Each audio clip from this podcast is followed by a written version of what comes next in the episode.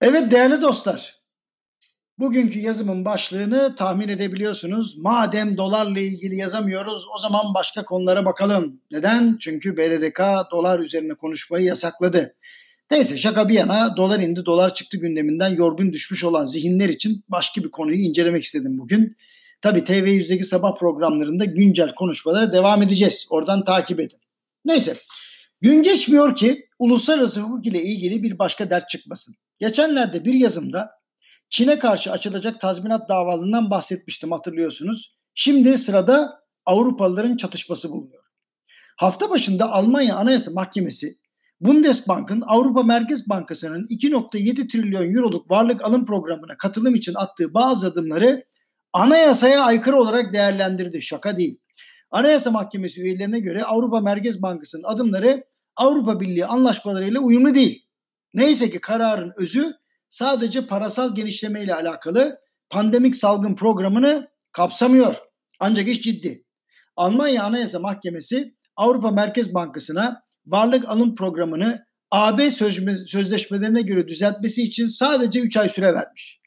Mahkeme eğer Avrupa Merkez Bankası'nın tahvil alım programının kabul edilebilir sebeplere dayanmadığını hükmederse işler karışacak. Mahkeme Avrupa Merkez Bankası'na gerekçelerini açıklamak için 3 ay süre verdi. Bir de şunu ekledi.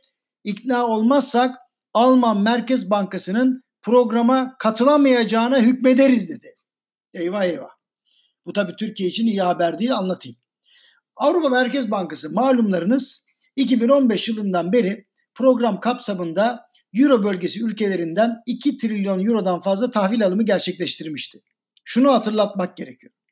1920'lerde yaşanan büyük Alman enflasyonu sebebiyle Almanya'nın hafızasından silemediği ve bütün kötülüklerin anası olarak tarif ettiği şey parasal genişlemedir. Çok iyi hatırlıyorum. Rahmetli babam Erdoğan Hoca'nın masasının üzerinde 50 milyarden Reichmark yani 50 milyar Reichmark diye ufacık bir banknot bulundu. Bundan bir el arabasıyla ekmek alınırmış. Şaka değil ha. Hatta çocuklar oyuncak diye oynuyormuş bunlarla. O devrin sonu maalesef Hitler'i ve kanlı bir 10 yılı beraberinde getirmiş. Dolayısıyla Almanlar parasal genişlemenin kuralsız seyrinden hiç mi hiç hoşlanmazlar. Dolayısıyla tepkileri doğal karşılamak gerekiyor. Ayrıca Avrupa Birliği ve Euro bölgesiyle ilgili sözleşmelere göz attığımızda ECB yani Avrupa Merkez Bankası'nın hukuksuz şekilde parasal genişleme yaptığına hükmederse paritede güçlenmekte olan Euro'nun sert şekilde gerileme ihtimalini de hesaba katmak lazım. Bu durum ihracatının yarısından fazlasını Avrupa'ya yapan Türkiye için sıkıntı yaratabilir. Haberiniz olsun. Bakın hiç dolardan bahsetmeden yazıyı bitirdim. Çok şükür. Şaka bir yana pazartesi görüşürüz. Hoşçakalın dostlar.